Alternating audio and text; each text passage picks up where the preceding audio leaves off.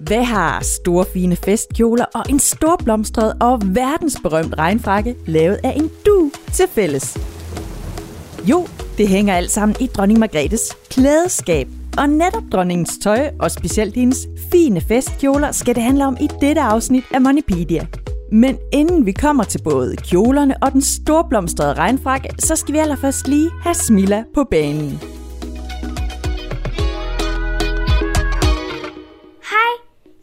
Smilla.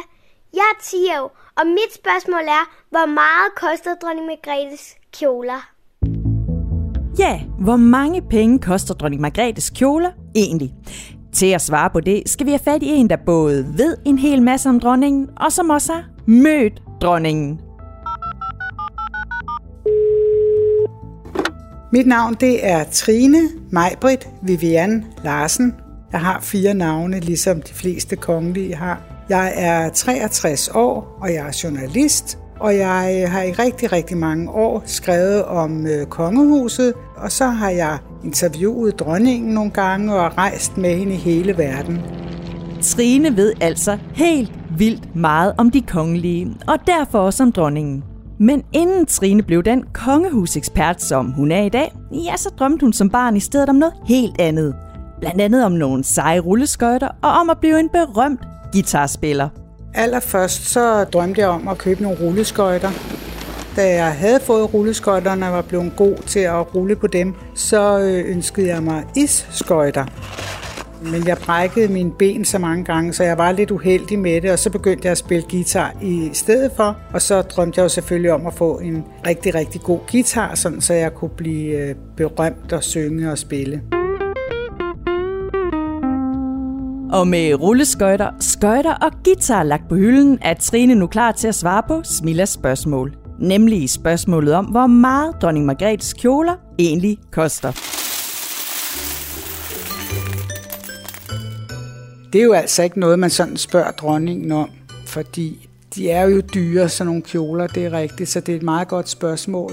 Men øh, jeg har hørt fra lidt øh, designere, at sådan en fin, fin, fin festkjole, den kan godt koste op til 100.000. Okay, 100.000 kroner for de fineste af dronningens kjoler. Det svarer nogenlunde til, at de vil tage dig mere end 70 år og spare op til sådan en kjole, hvis du altså fik 25 kroner om ugen i lommepenge. Ret vildt. Men hvorfor er det så lige, at en kjole kan ende med at koste så mange penge? Hvis man skal snakke om de fine kjoler, som dronningen har på, når hun kommer til gala, så øh, er de lavet af det fineste stof, man overhovedet kan købe. Det kan jo ikke nytte noget, at dronningen har krøllet kjole. Øh, det skal være noget, der, der ser flot ud, også når hun har siddet i en karet eller i en bil på vej til fest. Men ofte så er det sådan noget silke, fineste, fineste silke, og måske med guldtråde i, eller sølvtråde, og meget af det er syet i hånden, så det er kjoler, der tager rigtig, rigtig lang tid at lave. Så altså, dronningens fineste kjoler består altså af det fineste stof, og er derudover også tit og ofte syet i hånden. Og netop derfor er kjolerne mega kostbare. Men hvem er det så egentlig, der bestemmer, hvordan kjolerne skal se ud? Er det en tøjekspert, eller er det måske dronningen selv? Jo, det har Trine selvfølgelig også helt styr på.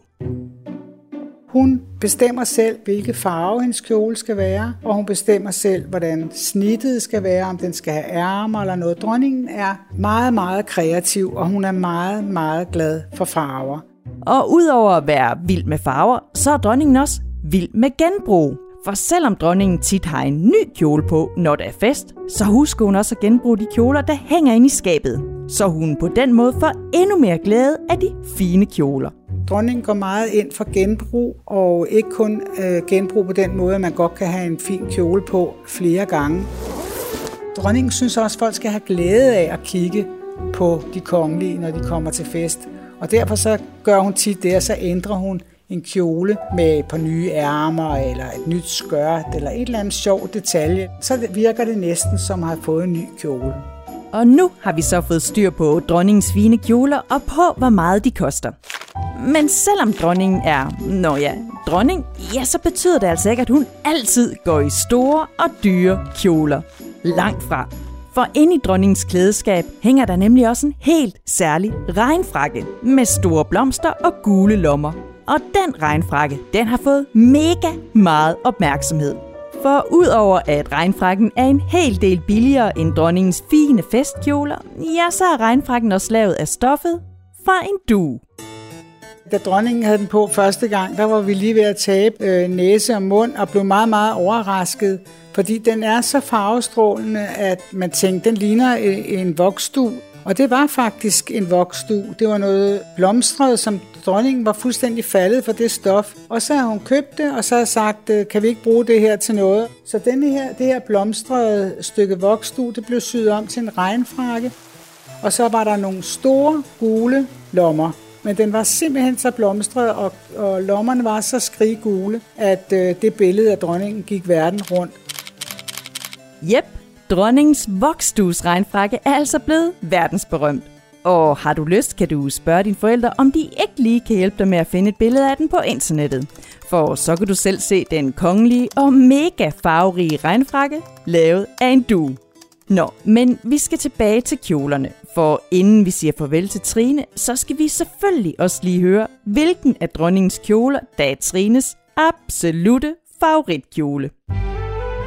Ah, Jamen, da, dronningen har så mange kjoler, det er svært at vælge, men hvis jeg kun må vælge en, så vil jeg sige hendes sølvbryllupskjole.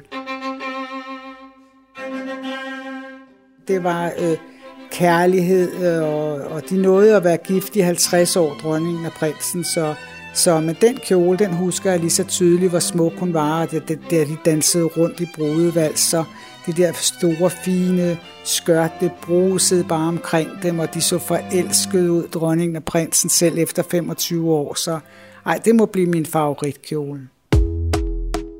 Og med det blev vi altså mega meget klogere på kongelige kjoler og kongelige regnfrakker. Og har du, ligesom Smilla, også et pengespørgsmål, som du vil gerne vil have svar på, så skal du altså bare sende det til os i en mail på moneypedia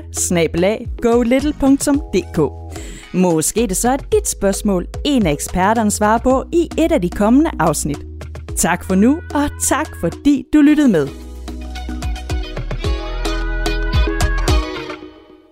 Podcasten er produceret af Go Little for Pengeskyen, Danske Banks familieunivers.